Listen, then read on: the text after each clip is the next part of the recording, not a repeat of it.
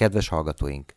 Beszélgetést hallhatnak az Én az vagyok című könyv kapcsán Malik Tóth István fordító oktatóval. Az interjút készítette Bende Zsuzsanna.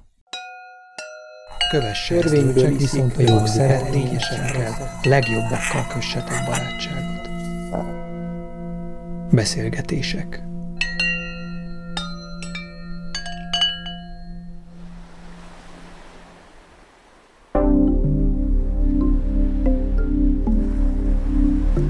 sokaknál a, a legnagyobb nehézség az, az azért az a, a képzeteknek, meg az elképzeléseknek, meg a világképnek az elengedéséből áll. Igen, Marrágy azt mondja, hogy igazából nem azzal van a baj, hogy például, hogy gondolatok jelennek meg az elmében, mert ugye ez is sokszor ezért felmerült, hanem az, hogy, hogy futunk ezek után és hogy önmagában gondolta nincsen semmi probléma, csak hogy az ember túl nagy jelentőséget tulajdonít nekik, ahelyett, hogy azt nézné meg, hogy miben merülnek fel ezek a gondolatok. Az idő és a tér az elmétben létezik, nem az önvalóban. Az önvaló erejének nincs határa. Az önvaló ereje mindig jelen van, működik, mindig ugyanaz.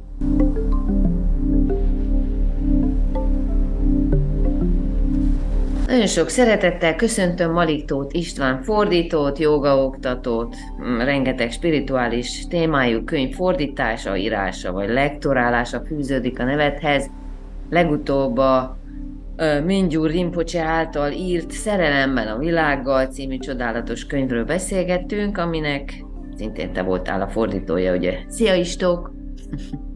Szia, és üdvözlöm a kedves hallgatókat! Nagyon egyik örülök. fordítója voltam a könyvnek, csak így. Milyen? Jó, hogy egyik, igen, igaz. Az egyik a kettő közül, igen.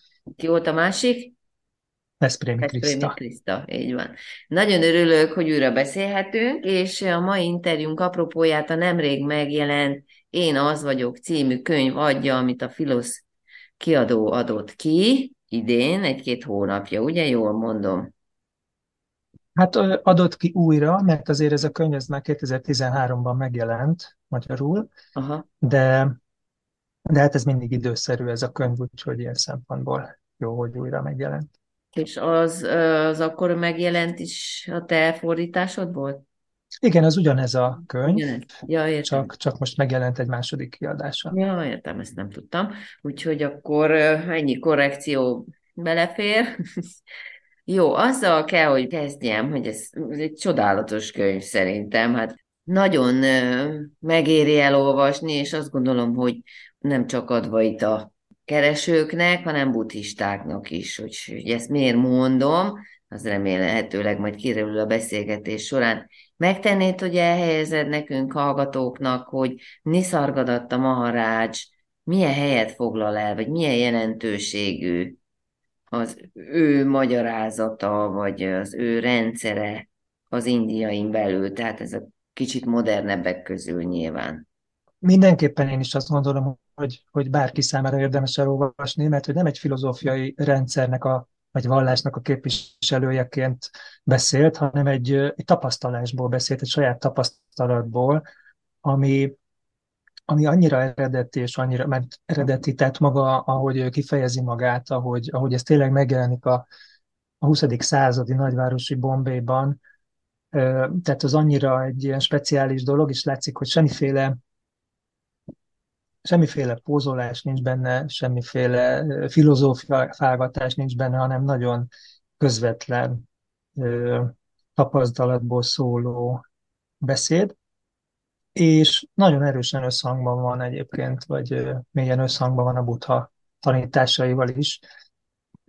Az advaitához szokták sorolni, a, ugye az advaita az a hinduizmus védánta iskolájának az egyik ága, de, de azt gondolom, hogy ezeken a kategóriákon a könyv is fölüláll, és hát Maharaj is, Maharaj is fölülállt. Egyébként egy nagy spirituális klasszikusként tartják számon, amiről, is, amiről azt is mondják, hogy szinte ilyen bombaként robbant a, a köztudatba, amikor megjelent nyugaton is, és utána tömegesen keresték fel Maharádzsot a igazságkeresői.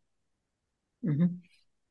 esetleg mondjuk hát 81-ben halt meg, akkor nem találkoztál vele, ugye? Tehát akkor még azért túl vele nem találkoztam, egy közvetlen tanító, tanítványával volt szerencsém találkozni, aki a fordítója is volt, Rames Balszekárnak hívják. Uh-huh. őt, akitől szintén jelent meg egy könyv magyar, magyarul, még ezelőtt, ezelőtt a, az Én az vagyok előtt, a Jelenségvilágon túl című könyv, és ő, ő Hát őről is majd esetleg, ha belefér az időbe, érdemes lesz egy pár szót beszélgetnünk, mert ő is egy sajátos jelenség volt, de hát Maharádzsal nem találkoztam valóban, igen. Csak hogy úgy értse, értsék a hallgatók, ez egy párbeszéd, tehát nem ő írta ezt a könyvet, hanem van egy kérdező, vagy több kérdező is talán, ugye? Mert mint hogyha nem egy kérdező lenne. Igen, igen, ez egy, talán érdemes egy picit akkor mesélni arról, hogy hogyan keletkezett a könyv. Jó, És akkor megint megjelenik egy olyan figura, aki egy nagyon érdekes személyiség, Morris Friedmannak hívják, aki egy Lengyelországban született zsidó, aki hát nyilván nem a, nem a legjobb időben született, ami a zsidó sorsot illeti, de annyiban mégis, hogy, hogy a 30-as években kiment Indiába. Találkozott a, a Maharsival is, Véramana Maharsival is, és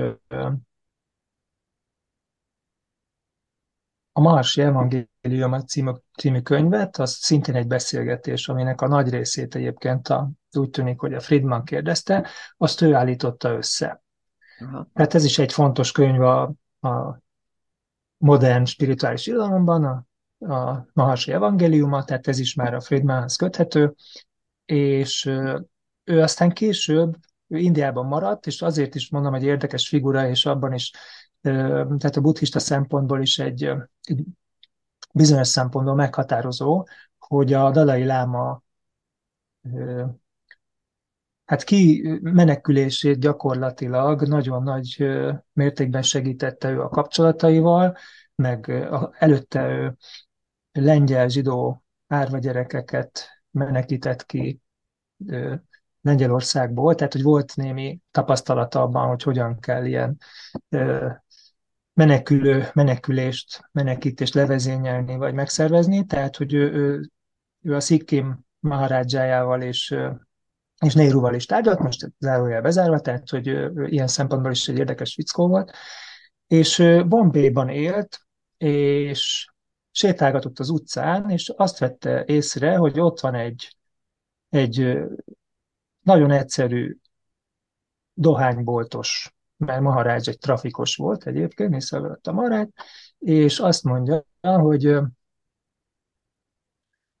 hogy lát, e, most idézek ki jól, amit, ahogy ő erről beszámolt, azt mondja, láttam egy csomó embert, akik bidit szívtak. A bidi az, ezt most az én vettem közbe, az egy olcsó kézelsodort indiai dohány, egy cigaretta, tehát láttam egy csomó embert, akik bidit szívtak. Elmesélték életük gondjait, bajait. Ez az egyszerű ember pontosan úgy válaszolt nekik, mint Sri Ramana Maharshi. Ha Maharshi Marátiú beszélt volna, az ugyanilyen lett volna. Földbe gyökerezett lábbal feszülten hallgattam. Megdöbbentő volt látni, hogy egy hétköznapi enger, ember, aki bidit árul, ilyen spontán mondó beszél. Elkezdtem minden nap elmenni a helyszínre és feljegyezni, amit mondott. Ezután hazamentem, és lefordítottam az összes kérdést és választ angolra. Ezután ezt a Friedman-t annyiban bűntudat töltötte, hogy nem kérte az engedélyt ezeknek a beszédeknek a lejegyzésére, ezért lefordította, tehát a Marátiul is megszerkesztette a szöveget, és visszament a Marácshoz, és mondta neki, hogy hát, hogy mit csinált, és hogy, hogy mit szól hozzá a Maharágy, és Maharágy azt mondta, hogy hát szuper, folytasd, csak így tovább. És később ez a, ez a könyv lett az Én az vagyok, amiről hát tényleg azt mondják, hogy szinte megrázta a spirituális világot. És hát az is hozzátartozik a, a Tehát tulajdonképpen ő ilyen... fedezte fel a világnak? Lehet hát a, a nyugatiak számára mindenképpen A, a bombéiak már valamennyire ismerték, de hát azért még sokkal, hát szóval szinte, a nyugatiak számára azt lehet mondani, hogy szinte ismeretlen volt. Nem is beszélt angolul, tehát hogy ez is egy picit nyilván nehezítette a dolgot, és akkor különböző, miutána megjelent ez a könyv, utána azért mentek hozzá az emberek, és a különböző fordítói voltak. Maharácsra, a humorára, meg a, meg a hogy mondjam, a, a egy nagyon egyszerű, és, és sokszor, hogy mondjam, kicsit ilyen vulgáris is volt, tehát hogy ő nem az az archetipikus szent, mint amit mondjuk a Maharsira, hogyha megnézzük az ő személyiségét vagy képét, akkor, akkor kirajzolódik. Tehát Maharaj egy egész más típusú fickó volt. Trafikos Bombéban, aki kézzel készített cigarettát, meg elő, eleinte rövidárút, meg, meg ilyesmiket árult, na és akkor ezt mondta a könyvről, meg, hogy miután megjelent az én az vagyok, ugye az angol címe I am dead, miután ez megjelent, a házam, egy nyugodt életet éltem, de utána a házam olyan lett, mint egy vasúti pályaudvarnak a peronja. Olyan ismertségre tetszett, és folyton jött, jöttek hozzá az emberek. Amit természetesen ebből nyilván ezt egy kicsit viccesen mondta, mert hogy ő, ha esetleg lá, lehet rá, látni róla a felvételeket, ha valaki lát róla a felvételeket, felvételeket látja, hogy micsoda vehemenciával, meg lendületesen magyarázott, tehát hogy nagyon szívesen vett részt ezekben a beszélgetésekben, de azért ezt megjegyezte egy kicsit ilyen csípősen, hogy ez a könyv volt az, ami gyakorlatilag őt ismerté tette, de hát hogy ez azzal is járt, hogy a lakásából egy átjáróház lett, mert hogy őnek, ő, ő továbbra is a családjával élt, tehát hogy nem alapított asramot, meg semmiféle ilyen ö, dolgot nem csinált, hanem egyszerűen a, a házába, a tetőtérbe fogadta az őt felkeresőket. Magyarul tehát, ha azt firtatjuk, hogy mi volt az ő titka a többi hasonló ö, szenthez képest, vagy megvilágosodotthoz képest, akkor, akkor ez az egyszerűség, tanulatlanság, de mégis valami elementáris bölcsesség, ugye az, amit igen, tényleg igen. annyira közérthető ettől. Igen, és nagyon frappáns, tehát, hogy igen, nem nagyon, nem nagyon idéz szentiratokat, nem, tehát, hogy ilyen szempontból itt teljesen kompatibilis a nyugati szóhasználattal is, de nyilván azért vannak bizonyos nehézségek, amik a fordítás során is megjelentek, de hogy, hogy azt gondolom, hogy a végeredmény, meg hogyha ez tényleg így a különböző nyelvekre lefordítják, akkor ez abszolút kompatibilis, tehát nem nincsenek ilyen kulturális, vallási nehézségek, amiken át kell menni, hanem tényleg inkább a, maga a nehézség az abból fakad, mint, mint mondjuk az advaitában általában, hogy olyan mikről beszél, amik túl vannak a fogalmiságon. De nagyon jó hasonlatai vannak, meg tényleg, hát ahogy mondod, hogy ilyen nagyon elsőprő bizonyossága beszél valami olyanról, amit, amit, amit a könyvből érezhető, hogy, hogy ott van mögötte, és ez adja neki a nagy erejét. És az, hogy mondjuk egy tanulatlan, egyszerű ember volt, az szerinted van hatással a nyugati elfogadottságára?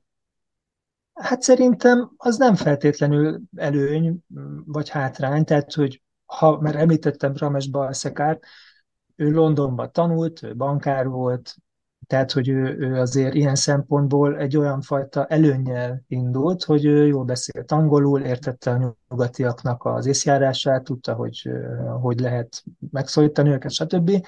Milyen viselkedés minták az, ami, amik elfogadta. Maharaj ezekkel nem különösebben foglalkozott, hanem ő neki tényleg ez az elementáris ö, ereje, ami, ami hát nyilván nem csak a beszélgetések tartalmából, hanem az ő jelenlétéből is fakadt. Aha. Mondjuk az is igaz, hogy aki már, tudom én, ilyen nagyon behatóan foglalkozik eleve az advaitával, az már egy kicsit az intellektusról lejött, nem? Tehát annak a fontosságát már nem annyira, nem tudom én, tartja előtérbe, ha csak nem Hát nem feltétlenül azért, nem feltétlenül. Azt hiszem, hogy sokaknál a, a legnagyobb nehézség az, az azért az a a képzeteknek, meg az elképzeléseknek, meg a világképnek az elengedéséből áll. Vagy, hát ugye a legalapvetőbb tévképzet a, az advaita szerint az én a test vagyok gondolata vagy elképzelése, és hát azért ezt nem olyan könnyű elengedni, azt gondolom annak se, aki, aki tanult, vagy aki foglalkozott a témával. Uh-huh. A Maharajról úgy tartják, hogy, hogy az ő módszere az volt, hogy kérdezett, és főleg eleinte. Tehát, hogy az élete végén egy picit már máshogy tanított, de még ebben az időben, amikor az én az vagyok készült, akkor, meg még egy jó pár évig, akkor, akkor ő azt mondta, hogy jöjjön hozzá, aki akar vele tőle valamit, az jöjjön el hozzá, és ő beszéltette. Kérdéseket tett fel neki, beszéltette, és úgy tartotta, hogy miközben ők beszélgetnek, a szavak szintjén zajlik valami, de a szavak szintje mögött ő valahogy rávezeti az embert arra, hogy megtapasztalja közvetlenül ezt a fajta jelenlétet, ami valójában, és akkor rájön a kérdező, hogy amit gondolt, az, az, az nem tartható. De hogy ez nem egy filozófiai belátásnak lesz a következménye, bocsánat, tehát, hogy ez nem, a filozófia, nem egyfajta filozófiai belátásnak a következménye, hanem a tapasztalat mutatja meg, hogy amit gondolt, az, az nem állja meg a helyét. Uh-huh. Tapasztalat. Uh-huh. Tehát, hogy az, ő, hogy az ő jelenlétében, amiről szó volt, azt meg lehetett tapasztalni, és ennek a tapasztalatnak a fényében az elképzelésekről kiderült, hogy azok nem valósak, nem állják meg a helyüket. Hát igen, mondjuk azért ez segít, mert szóval én is úgy voltam vele, hogy egyrészt teljesen belelkesedtem, megmondom őszintén, hogy mi, mi, micsoda nagyszerű gondolatok, és tényleg igaz, hogy, hogy nagyon nagy hatása volt rám, de aztán egyszer csak ugyanúgy találja magát az ember, hogy tulajdonképpen Istenről beszél. Ezt, ezt megint csak elhihetem, ha akarom, de tapasztalat ugye hiányzik. Igen, azt mondja, hogy bár Istenről azért olyan sokat nem beszél, vagy nem olyan azt mondja, sokat, hogy nem. Igen, igen, meg hát nem, Meg hát nem az a csomó alternatívája van ugye az Istennek, tehát hogy ez csak tehát, tehát behelyettesíti azzal, ami legfelső. Vagy azt is mondhatjuk, tehát, hogy ő, ő arra próbálta rávenni az embereket, hogy egy dolog az, ami, ami ö, viszonylag állandó, és ez a vagyok érzése. Uh-huh. Igen. És hogy a többi az minden csak elképzelés. Uh-huh ezzel a vagyok érzéssel maradjon minél többen, minél jobban letisztítva, ugye nem én ez vagyok, vagy én az vagyok, vagy én XY vagyok, vagy ilyen vagyok, vagy nem, nem erről van szó, csak maga az a puszta, tényleg tapasztalt érzés, hogy vagyok, ami hát mindenkinek nyilván közvetlen tapasztalata, és hogyha ebben megfelelő hosszúság, tehát megfelelő ideig az ember elidőzik, akkor egy idő után ez a vagyok, ez kibomlik, ki bontakozik, ki tárul, és akkor a valódi természetünk az, mhm. az feltárul. Ő azt is mondta, hogy a megnyilvánult és a megnyilvánulatlan közötti híd az a vagyok. Az egyetlen valódi tőkénk, ezt ez a Ramesnek a szavajárása, de valószínűleg a Maharácstól ered, hogy az egyetlen valódi tőkénk az a vagyok. Uh-huh.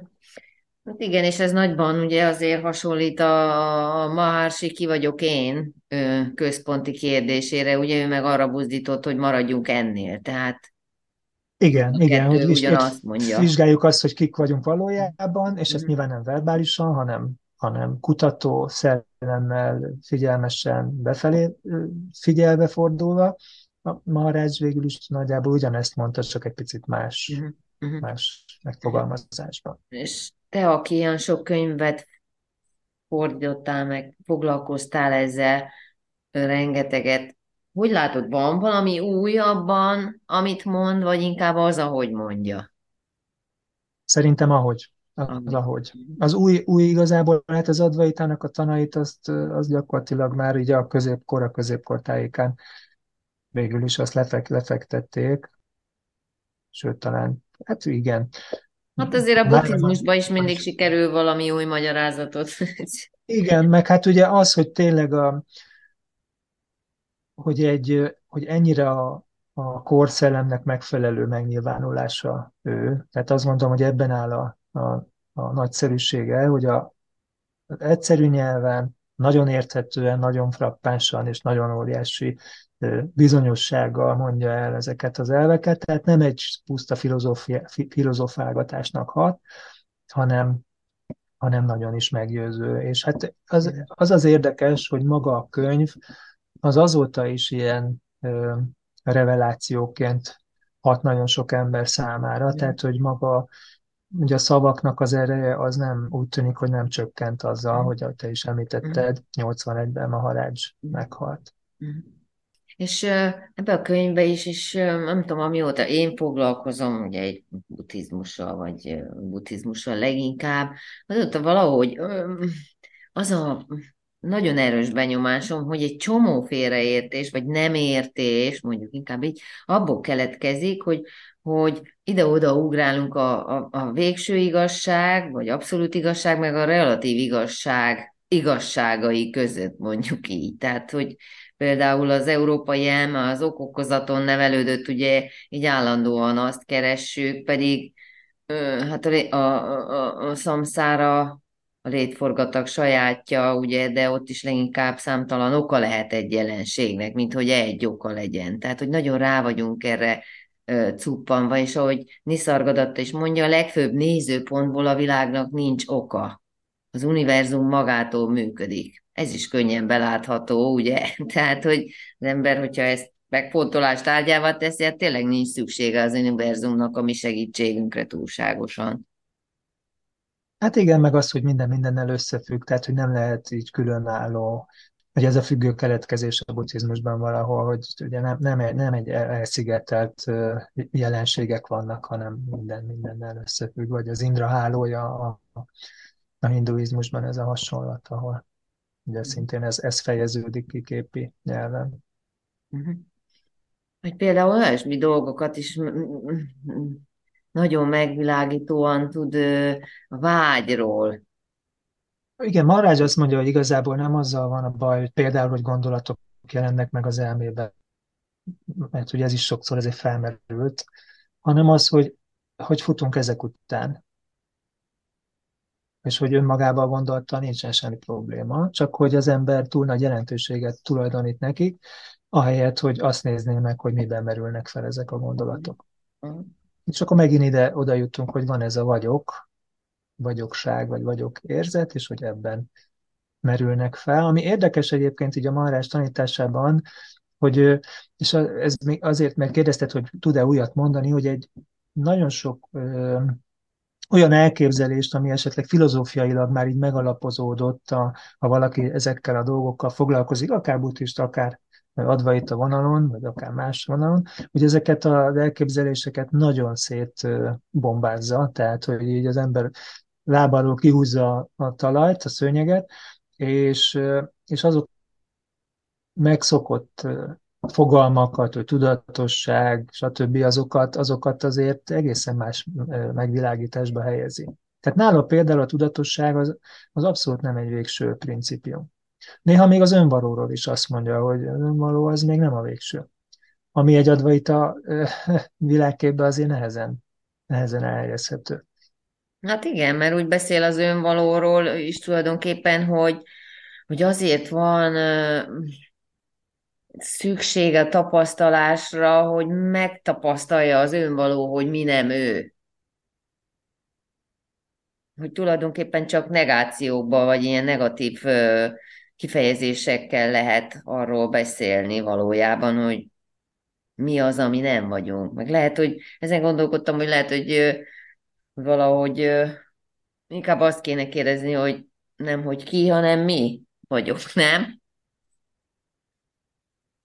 Igen, vagy az ugye egy másik lehetőség az, hogy, hogy mi, az, mi tudatos. Mi tudatos arra megjelenni. Uh-huh. Ezzel még, még, a, még egy picit levesszük arról a, a fókuszt, hogy, hogy van egy entitás, aki, aki én vagyok, hogy ki vagyok, vagy mi vagyok, tehát hogy az, hogy egyáltalán az, hogy mi az, ami, ami tudatos bármire abban mely az én sincs benne. Az is nagyon érdekes szerintem, megint csak így egy ilyen buddhista párhuzam, ami, ahogy Maharács az énről beszél. Tehát az, az nagyon-nagyon összhangban van azzal, ahogy a buddha az ént, ennek az énnek a nem valós voltát leírja. Az, hogy ilyen pillanatnyi ö, mentális jelenségeknek a, a halmaza gyakorlatilag. Mhm. Maharaj ugyanezt mondja. Mhm. Hát igen, talán ezt a legkönnyebb látni, hogy mi nem vagyunk ilyen mentális síkon, tehát hogy a szerepeink meg. És a test, miért gondolja, hogy a testről a legnehezebb látni, hogy nem mi vagyunk? Egyáltalán miért nem lehet azt mondani, hogy is, is, meg nem is, hogy végső soron nem az vagyunk, de azért ideiglenesen az is vagyunk egy kicsit. Hát egy kicsit. De ő azt mondja, hogy nem, hogy ez pont ebben, a, ebben az elképzelésben rejlik a, a, a tévedés. Tehát, hogy Persze, pont ez, ez az, igazi, a... az igazi természet, az valójában az eszenciája az nem a test, igen. Igen, és hát ha már így szóba került a halála, hogy a halál akkor is ezt nagyon egyértelműen így képviselte, tehát a beszámolók alapján egyértelmű volt, hogy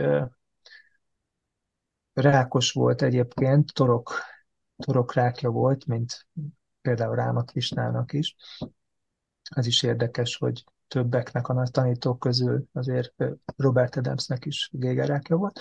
Szóval, hogy, hogy amikor, amikor már tényleg nagyon a végét járta a test, akkor, akkor is ő, ő mondta, hogy hát most csináltok ekkora faxnit, hát megmondtam, hogy nem a test vagyok, hát most a test meghal, persze, meghal, hát, ami megszületett, az meghal, látszólag, de hogy ami vagyok, és ezt mondom nem tudom hány évtizede, hogy én nem ez vagyok, hanem a változatlan, akkor meg minek ez a nagy felfordulás? Igen. Sok uh, hitetlen, ugye, uh, kétkedő az mind azt várja, hogy talán az utolsó pillanatban meggondolja magát, és mégse azt mondja, amit egész életében. Mondjuk ő, ő neki azért más volt, ugye, a, a, a a megvilágosodásának a története, vagy hogy mondjam, felébredésének. Tehát neki volt egy mestere, nem úgy, mint Maharsinak, aki, nem, aki valami spontán történés miatt. Igen, neki, neki Szitharam és Maharaj volt a mestere, aki egy szintén egy érdekes, érdekes figurája. Egyébként ő Ramanának a kortársa volt, már mint Szitharam és Maharaj, és ha már így szóba került a Maharsi, akkor egyszer azt mondta Maharaj, hogy semmit nem bánok meg, bántam meg az életemben, de azt nagyon sajnálom, hogy a, hogy a Maharsival nem tudtam személyesen találkozni. Uh-huh. Visszakanyarodva Szitharamésvár Maharajra, igen, ő egy, egy érdekes figura volt, az úgynevezett Navnát szampradájának volt a tagja, Maharaj is egyébként, ez egy olyan régi vonal, a kilenc mesternek, vagy kilenc úrnak, kilenc tanítónak Navnátha a hagyományvonala, ahova ahonnan a hathajogát is egyébként eredeztetik sokan. Uh-huh. Gor- Goraksanát, Matsziendranát és így tovább, tehát így Smátmárám a hathajoga pradipikás szerzőt, tehát ugye ez egy, ez egy nagyon ismert és veretes hagyományvonal Indiában, és a Szitharamésver Maharaj is ide tartozott, ez a hagyományvonal az aztán azért nagyon szétágazó lett, és a tanítás szempontjából is lettek elég komoly különbségek, de hogy ez egy nagyon, mind a mai napig ez egy fontos hagyományvonal, és, és a Maharaj is adott mantra beavatást egyébként. Tehát, hogy ez így a, ezekből a könyvekből nem annyira derül ki, de ő, mint a, ennek a vonalnak az egy, egyik ilyen vonaltartója, ő, ő gyakorlatilag ezt, ezt a szerepét is vállalta, bár nem tulajdonított neki különösebb jelentőséget, úgy tűnik. De azért, azért, hogyha úgy alakult, akkor, akkor ezeket a dolgokat is megtette, tehát, hogy például adott mantra beavatást. Szitharam és Van Maharaj, ő is egy érdekes figurája volt ennek a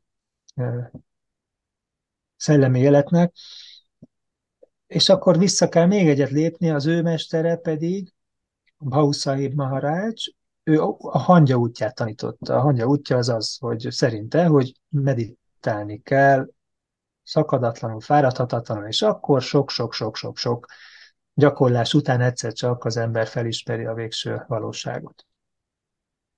Miután meghalt Bausaid Maharaj, a legnagyobb tanít, a legfontosabb tanítványok köztük Szitharam és Maharaj járták Indiát, és tanították a mesternek a tanításait, csak egyszer csak így a Szitharam és Maharajnak leesett, hogy hát jó, jó ez a anya útja, de hogy lehet, hogy van gyorsabb.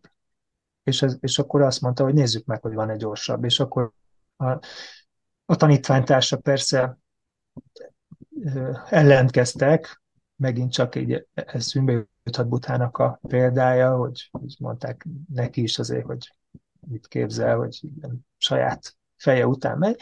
Na mindegy, azt mondta a Szitharam és Maharács, hogy akkor nézzük meg, a, hogy létezik-e a madár útja, ami gyorsabb. És leült, és azt mondta, hogy amíg most meg nem találom, addig innen föl nem állok. Kilenc hónapig ült egy helyen, és utána, és utána azért ez olyan, hogy mondjam, hát nem is hangja gyorsaság, de azért a madár is talán egy kicsit ennél gyorsabban várnánk, hogy eljut A-ból B-be. Minden esetre kilenc hónap után megtalálta a kulcsot, és azt mondta, hogy van gyorsabb megoldás, és hogy a, a téves elképzeléseket kell helyes elképzelésekkel felváltani, és be, meggyőződni arról, hogy kik vagyunk valójában. És hát gyakorlatilag, amikor találkozott vele Maharaj, ez a 30-as években történt, akkor neki akkor, akkor vált az élete egy egyszerű, hogy mondjam, egy trafikosból egy szellemi keresővé, mert először még, először még kereső lett, és már a mester halála után történt az ő felébredése. Tehát és nagyon szép, azt gondolom, hogy ezt is így érdemes lenne talán idézni, úgyhogy ezt, hogyha egyetértesz, akkor, akkor olvasnál ez is a... Hittem a gurumnak, és hamarosan felismertem, csodálatos módon igazak és pontosak a szavai. Nem korlátoztam az elmémet, azt gondolva, Isten vagyok, csodálatos vagyok, mindenek felett álló vagyok.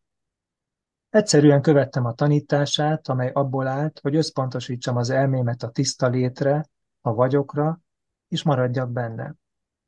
Minden nap órákon át ültem, elmémben semmi mással, csak a vagyokkal, és hamarosan béke, hamarosan a béke, az öröm és a mély, mindent átölelő szeretet vált a hétköznapi állapotommá. Minden eltűnt benne. Önmagam, gurum, az élet, amelyet éltem, a körülöttem lévő világ. Csak béke maradt, és mérhetetlenül mély csend. Uh-huh. Hát így számol be a, arról a változásról, ami gyakorlatilag a változatlanba való elmerülését jelentette, és hát innen egyébként ettől a tapasztalatától lett ő Niszalgadatta Maharás, tehát a neve is innentől változott meg a beszámolók szerint, vagy a visszaemlékezések szerint őt Márutinak hívták egyébként, és és hogy itt... De ez jelent valamit a neve, vagy? A Niszalgadat, igen, hogyha jól emlékszem, akkor pontosan valami olyasmit jelent, hogy, hogy a természetes állapot az a Niszalgad, és a dat az meg az adta, uh-huh. tehát, hogy az abból adódó természetes uh-huh. állapot, vagy uh-huh. adódó, vagy valami hasonló, igen. A Maharágy az, a, az ennek a hagyományvonalnak a, a tanítói illeti meg ez a spirituális cím, hát ugye Maharádzsa az azt jelenti, hogy nagy király, ez a spirituális életnek a királya. király. Ez még magyarul is Igen. fekszik. És azt mondtad ugye, hogy lecserélni, hogy az ő mesterének, mestere fedezte fel ezt az új metódust, hogy lecserélni a téves nézeteket helyesre. Hát ő, hát Ezt... ő azt mondta, hogy, hogy, hogy, hogy igen, hogy a madár útja az, az, a, az a megismerés. Tehát ez a, azért ez nem annyira új keletű elképzelés, ugye a nyána, joga, vagy maga, ez az advaita is nagyon sokszor ezt a fajta módszert javasolja, hogy a helyes meg, hát először hallani kell az igazságról, utána elmélkedni rajta, és aztán belsővé tenni és megvalósítani. Igazából talán csak annyi, hogy,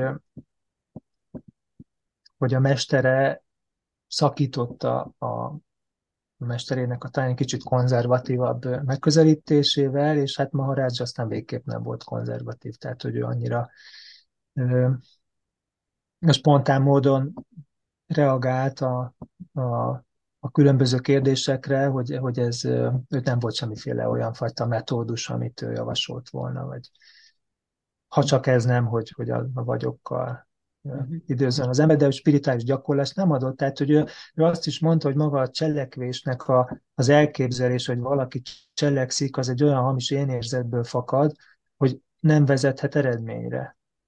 Hát, hogy azért mondta azt, hogyha valaki nagyon erősen gyakorol mondjuk azzal a képzette, hogy én egy szellemi gyakorlók, én gyakorlok valamit azért, hogy elérek valamit, az óhatatlanul csak tovább erősíti azt a hamis képzetet, hogy ez az én, ez valós, de hát, hogy ugye pont az a lényeg, hogy a gyökerénél kell elvágni, nem valós az én.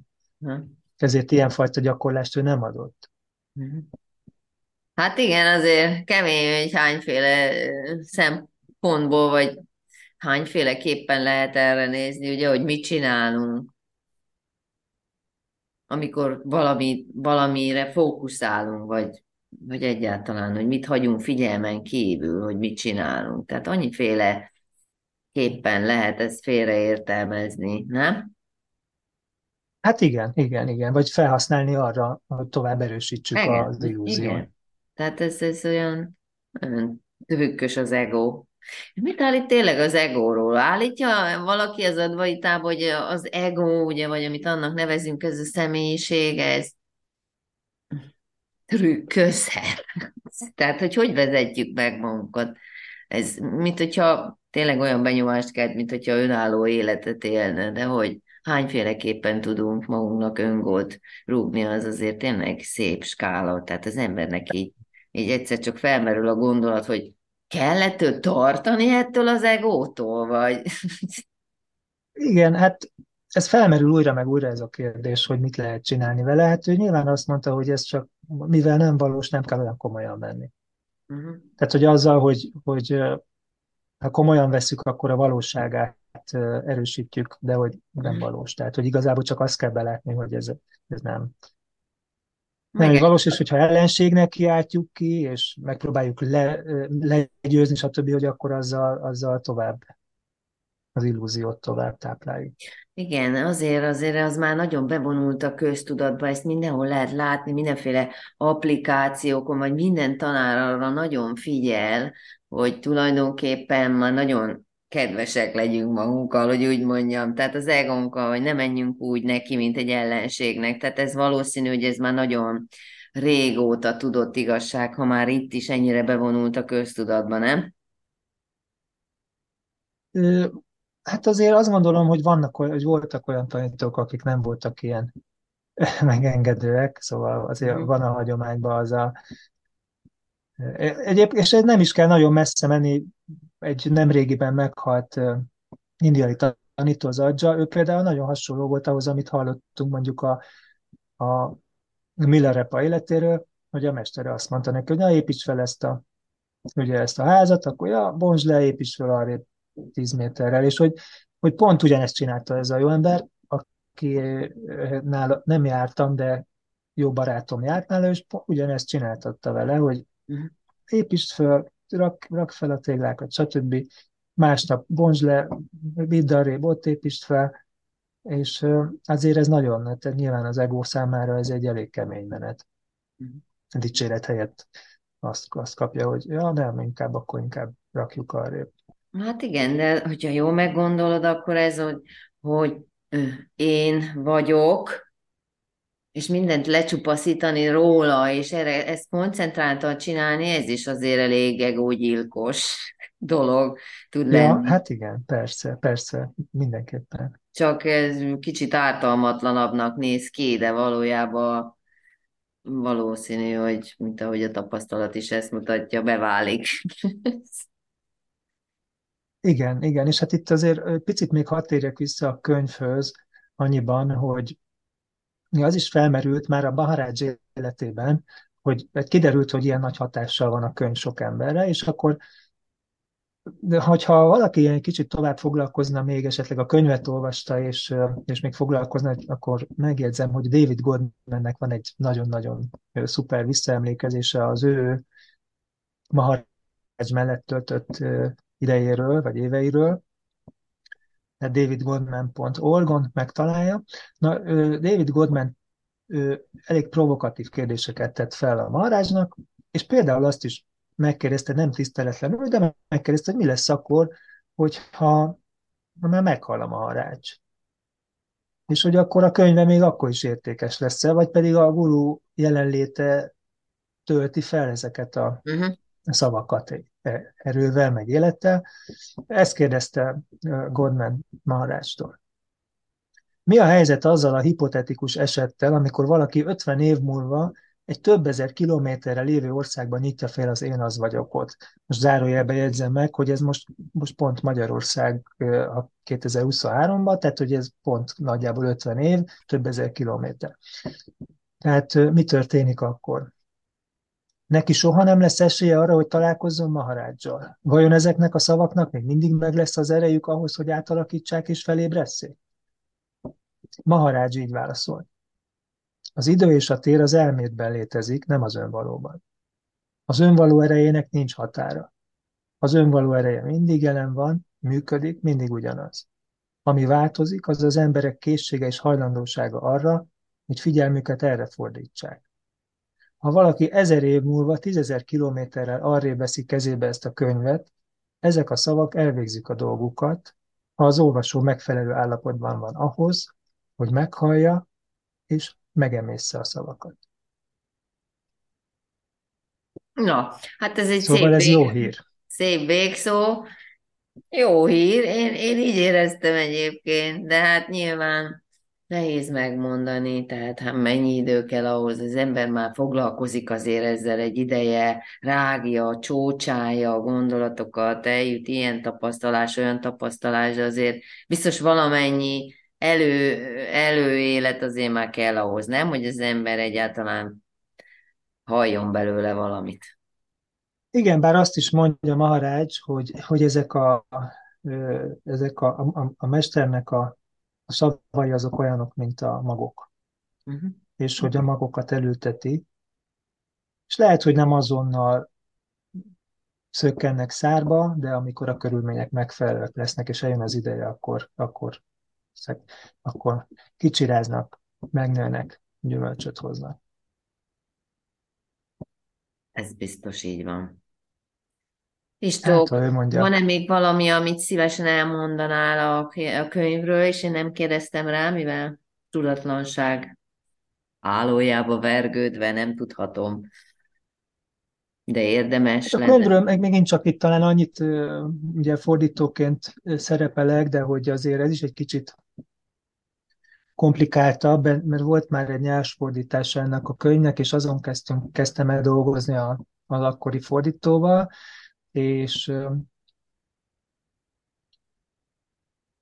vagy hát azon a szövegen kezdtem el dolgozni, és akkor én azt javasoltam, hogy legyen egy közös fordítás, de ő azt mondta, hogy nem, hogy ez már az én szövegem, és hogy akkor ő ebből nem szeretne, nem szeretne be így, hogy megjelenjen a neve, de azért én úgy gondolok erre a fordításra, mint amiben, amiben azért ő is, ő is benne van.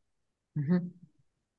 És azt hitok, hogy ki, vagy nem akarod csak ennyit Hát igen, hát hogyha ő nem kérte a nevét. Még talán annyi érdekes lehet, hogy a megjelenésének a, a körülményei, hogy, hogy hosszú-hosszú évekig a szerzői jogot próbáltuk vadászni mindenhova, Indiába, Kanadába, bárhova, ahol megjelent írtunk, és egyszerűen nem sikerült a nyomára bukkanni a, annak, hogy ki az, aki engedélyt adhat arra, hogy ezt a könyvet kiadjuk, és aztán valószínűleg nem volt még itt az ideje, és akkor egyszer csak már nem emlékszem pontosan, hogy, hogy mert azért már tíz éve, hogy megjelent, és nyilván előtte kellett ezt felgöngyölíteni, mármint hogy először megjelent, de hogy amikor eljött az ideje,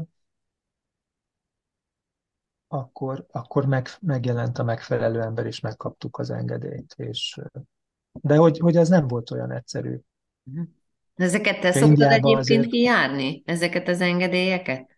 Hát ebbe a, ennek a könyvnek az esetében igen, ennek a könyvnek az esetében igen, és hát még az is talán itt érdekes lehet, hogy, hogy 2002-ben jelent meg az India Misztikája című könyv, ami egy antológia volt, amit azért szerkesztettem, hogy a különböző tanítókat Magyarországon, az advait a tanítókat legalább fejezet szintjén a fontos tanítókat meg lehessen ismerni, és a Maharaj is szerepelt ebben a könyvben, de hogy akkor még tényleg Magyarországon nagyon kevesen ismerték.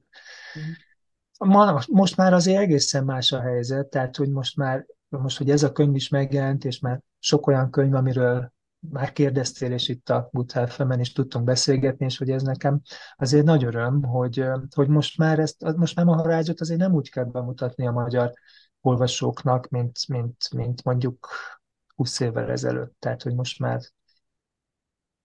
több könyv is, több könyv is megjelent, máshol is lehet azért olvasni róla. Tehát, hogy ugye a fontosságuknak megfelelő helyet kezdik el foglalni, azért most már itt is úgy mhm. látom.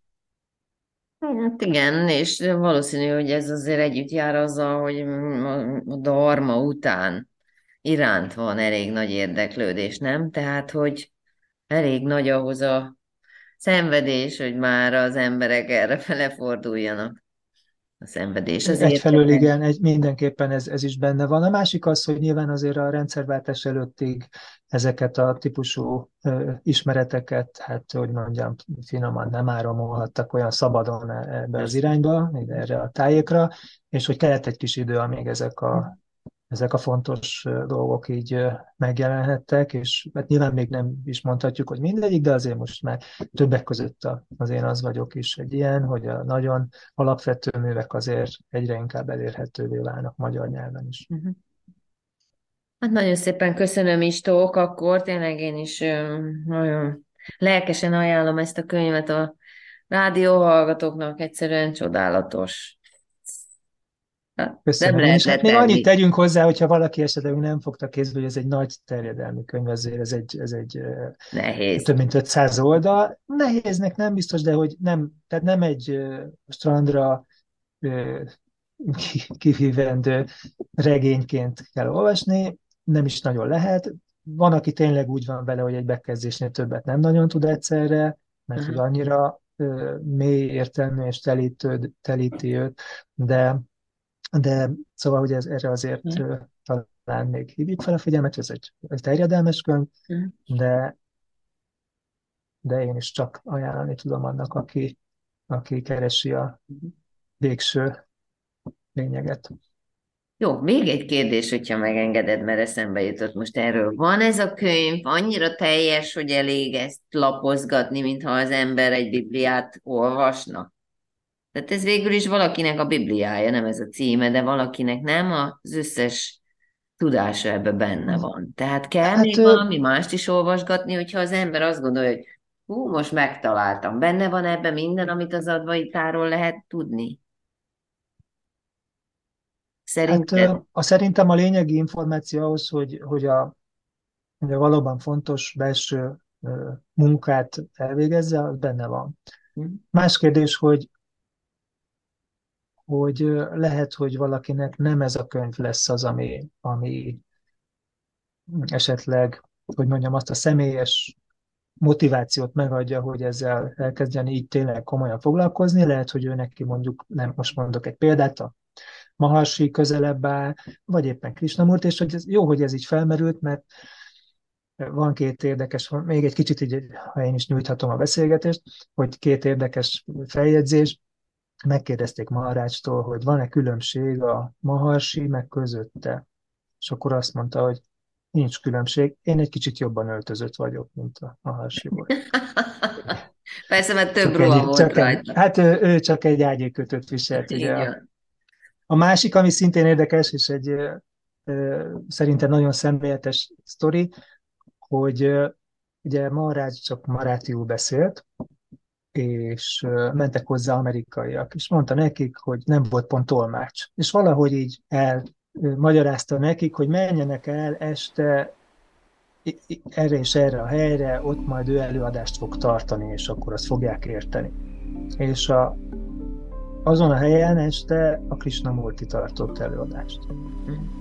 És akkor ezt is így kérdezték tőle, hogy akkor ez most hogy van? Hát Maharaj, hát nem, nem, nem Maharaj megy oda, és akkor azt mondja, hogy Krishnamurti, tehát hogy a Maharsi, Krishnamurti meg én testvérek vagyunk. Ugyanazt mondjuk, csak más szavakkal. Így van.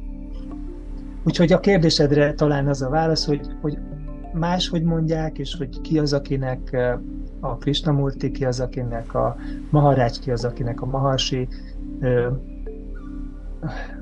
tudja megadni azt a motivációt, vagy inspirációt, hogy ténylegesen ö, befelé irányítja a figyelmét, hát ez azt mondom, hogy egy személyes történet, de ha valakinek ez a könyv betalál, akkor, akkor, akkor abszolút lehetséges, hogy nem kell mást olvasnia. Uh-huh. Jó, nagyon szépen köszönöm, Kristóf. Folytatjuk legközelebb a következő kiadványotokkal. Köszönöm szépen én is a meghívást.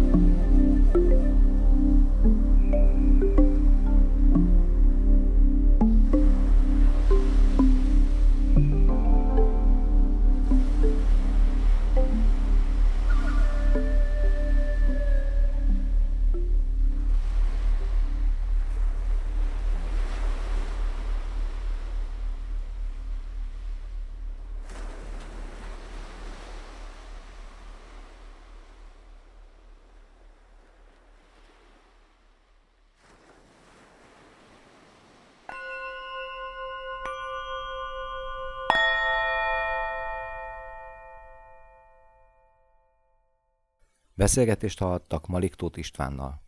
Készítette Bende Zsuzsanna. Köszönjük, hogy minket hallgatnak.